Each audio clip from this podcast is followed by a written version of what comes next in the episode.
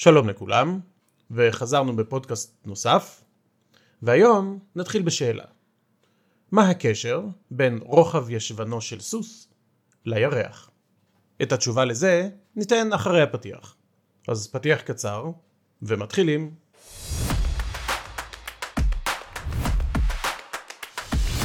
הסקרנים. אז מה אתם אומרים? אתם רוצים לנחש מה הקשר בין רוחב ישבנו של סוס לירח? לא יודע, לא יודע. אני גם לא יודע... האגדה מספרת שכשהמרוץ לחלל החל, ותכף נסביר בדיוק מה היה המרוץ לחלל, חלקים שהיו דרושים לטילים ומעבורות החלל היו כל כך גדולים שצריך היה להעביר אותם ברכבות. רכבות נוסעות על פסי רכבת. מי שבנה את פסי הרכבת הראשונים בארצות הברית היו מומחים שהגיעו מאירופה. באירופה בוני הרכבות השתמשו באותם כלים וטכניקות בהם השתמשו לסלילת כבישים ודרכים ברחבי היבשת. הדרכים באירופה התבססו בעיקר על הכבישים שסללו הרומאים לפני אלפיים שנה. הם היו הראשונים שסללו כבישים ודרכים ארוכות. הרומאים סללו את הדרכים הללו בעיקר על מנת שכרכרות המלחמה שלהם יוכלו להתנייד ברחבי היבשת במלחמות הכיבוש שלהם. את הכרכרות משכו סוסים. סוסים ולכן רוחב הכרכרה התאים לרוחבו של החלק הרחב ביותר בגופו של הסוס, הטוסיק. ישבנו. וכך רוחב ישבנו של הסוס הרומאי השפיע על גודל הטילים ומעברות החלל אלפיים שנים אחר כך.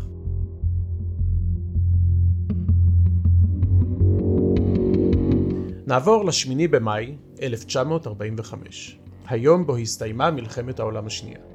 שתי מעצמות, רוסיה הקומוניסטית במזרח וארצות הברית הדמוקרטית ממערב, שחררו את אירופה ביחד מהכיבוש הנאצי. שתי המעצמות אומנם שיתפו פעולה במלחמה, אבל ההבדלים ביניהן הפכו אותן מיד ליריבות מרות, בניסיון לשלוט ולהשפיע על חלקים גדולים של העולם.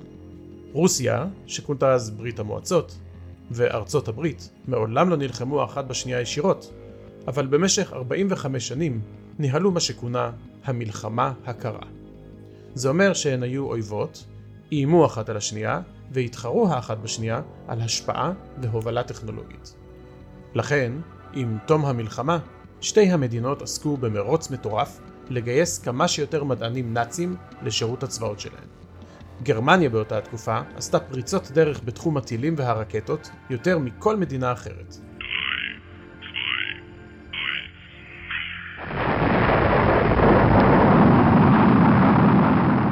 לגרמנים היה טיל מונחה ראשון, איתו הפציצו את אנגליה, בשם V2, פאו 2.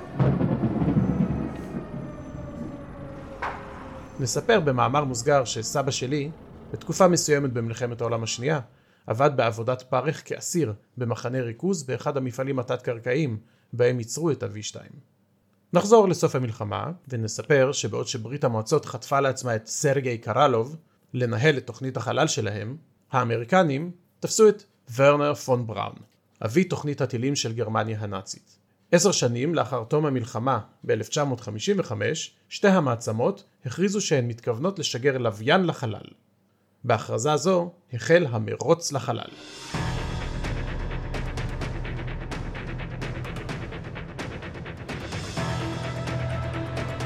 רוצים לנחש מי שיגרה לוויין ראשונה? רוסיה. אמריקה. אז ב-4 באוקטובר 1957 שוגר לחלל הלוויין ספוטניק 1 מברית המועצות.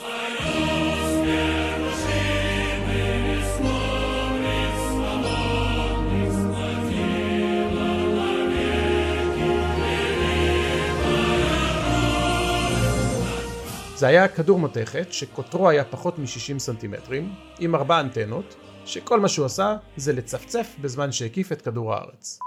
אבל המכשיר הפשוט הזה שינה את מהלך ההיסטוריה, כי למעשה הוא הוכיח שהרוסים בקרוב מאוד יוכלו, אם ירצו, גם לשגר על טיל בליסטי ראש קרב גרעיני לעברה של ארצות הברית. ארצות הברית לא נשארה חייבת, והנשיא אייזנהאואר הורה מיד לחיל הים האמריקני לשגר לחלל לוויין משלהם.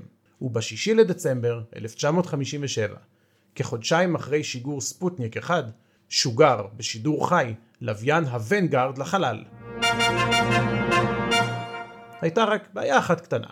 השיגור נכשל והוונגארד התפוצץ כעבור שתי שניות בלבד.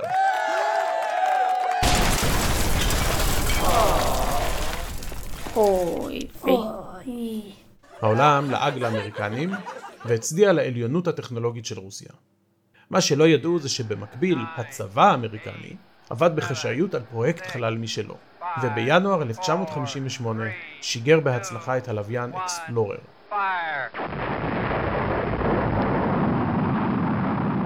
בנקודת הזמן הזו, המרוץ הפך צמוד, כשהאמריקנים והרוסים, שניהם שיגרו לחלל לוויינים.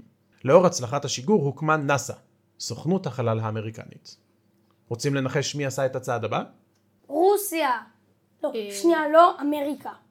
אז שוב הרוסים עברו להובלה במרוץ. כשב-12 באפריל 1961, בשעה 6 ו-7 דקות בבוקר, שוגרה החללית ווסטוק 1, כשעל סיפונה הקוסמונאוט, שזה כמו אסטרונאוט רק ברוסיה, יורי אלכסייביץ' גגארין.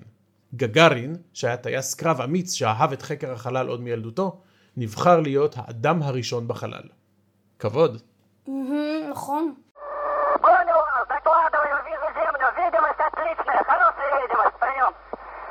טיסתו בחלל ארכה קצת פחות משעתיים, 108 דקות ליתר דיוק. זה קצת. בשביל אה, אותם זמנים זה היה הרבה. האמריקנים לא נותרו מאחור זמן רב, ובחמישי במאי 1961, כשלושה שבועות אחרי השיגור של גגארין, אלן שפרד הפך לאסטרונאוט האמריקני הראשון בחלל. Okay. Okay, okay. On the periscope. What a beautiful view. האמריקנים לא אהבו להיות שניים אחרי ברית המועצות במרוץ. אז ב-25 במאי 1961, הנשיא האמריקני, ג'ון אף קנדי, יצא בהצהרה משמעותית. הוא התחייב שעד סוף העשור, ארצות הברית תנחית אדם על הירח. ב-1962 ג'ון גלן היה האדם הראשון שהקיף את כדור הארץ בשם ארצות הברית, וכשנה וחצי מאוחר יותר, ולנטינה טרשקובה הייתה לאישה הראשונה בחלל, בשם ברית המועצות. ב-1966, סרגי קרלוב, ראש תוכנית החלל הרוסית, נפטר. מותו עיכב את תוכנית החלל הרוסית, מה שאפשר לאמריקנים לפרוץ קדימה במרוץ.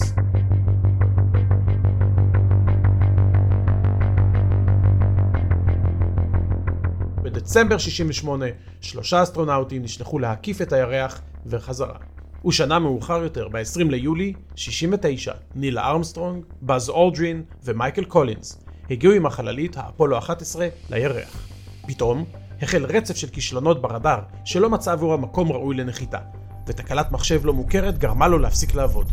הצוות היה על סף התרסקות כשהדלק שהיה להם כמעט ואזל. ברגע האחרון, ארמסטרונג, שהיה טייס ניסוי בעברו, החליט להנחית את נחתת הירח שכונתה האייט באופן ידני. בשעה 8 ו-17 דקות ו-39 שניות בערב, כשחמישית מתושבי כדור הארץ צופים בשידור חי, נשמע קולו של ניל ארמסטרונג במכשיר הקשר. היוסטון, כאן בסיס השלווה. האייט נחת. Houston, uh. אנחת רווחה וצעקות רמות מילאו את חדר השיגור בנאס"א למשמע ההודעה. בשעה 2.56 בלילה פתח אמסטרונג את דלת נחתת הירח, ירד בסולם והניח את כף רגלו השמאלית ולאחריה הימנית על אדמת הירח. אז הוא אמר את המשפט שייזכר לדורות. זהו צעד קטן לאדם, צעד גדול לאנושות. That's one small step for man, one giant leap for mankind. פעם פעם פעם. ארצות הברית ניצחה סופית את המרוץ לחלל. לאחר הנחיתה האמריקנית על הירח, תוכנית החלל הרוסית למעשה ויתרה על ההישג, ועם השנים גם תוכנית החלל האמריקנית הצטמצמה, וטיסות לירח, שהיו יקרות מאוד, הופסקו לחלוטין עם טיסתה של אפולו 17 בדצמבר 72. מאז נבנו תחנות חלל שונות ומעבורות, גשושיות רבות נשלחו לאורך השנים לכוכבי הלכת במערכת השמש שלנו, ואפילו המיזם הישראלי בראשית הצליח לשלוח גשושית שהייתה אמורה לנחות על הירח, אך למרבה האכזבה, תקלה קריטית ברגעי הנחיתה הביאו להתרסקותה על הירח, ולא לנחיתה רכה. אבל ההישג עדיין היה אדיר, והכניס את מדינת ישראל למועדון מצומצם מאוד של מדינות שהגיעו לירח. בימים אלו העניין בחזרה לירח, וכמובן מסע למאדים, מתגבר שוב. אולי זה קשור לקדמה הטכנולוגית שהגיעה, או לחשש מההתחממות הגלובלית והרעיון שנאלץ ביום מן הימים לנטוש את הכדור הכחול שלנו. אבל העניין בחלל תמיד ריתק את בני האדם. מאבותינו הקדמונים, שהביטו לשמי הלילה שחורים ודמיינו שהכוכבים הם חורים בשמיכה גדולה שמקיפה אותנו, ועד היום בו אילון מאסק התחיל לשגר טילים ומעבורות חלל באמצעות החברה שלו ספייסקס. אז מה אתם אומרים? אתם רוצים לטוס לחלל? בתכלס כן, אבל יכול לקרות מלא דברים שישתבשו, אנחנו לא יודעים, נגיד כמו בראשית, לא ידעו שהיא תתרסק על הירח. אה, אין ספק שהטיסה לחלל היא אחד הדברים המסוכנים ביותר שהאדם יכול לעשות.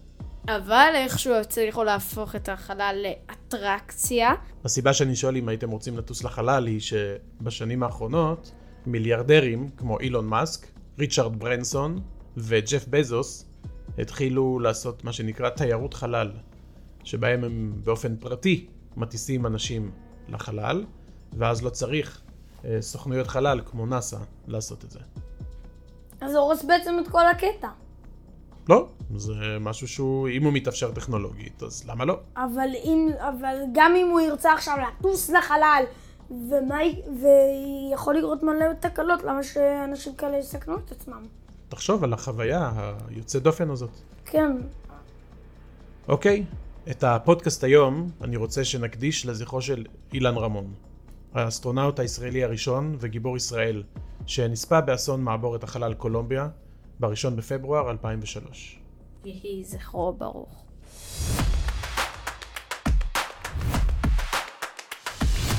הסקרנים.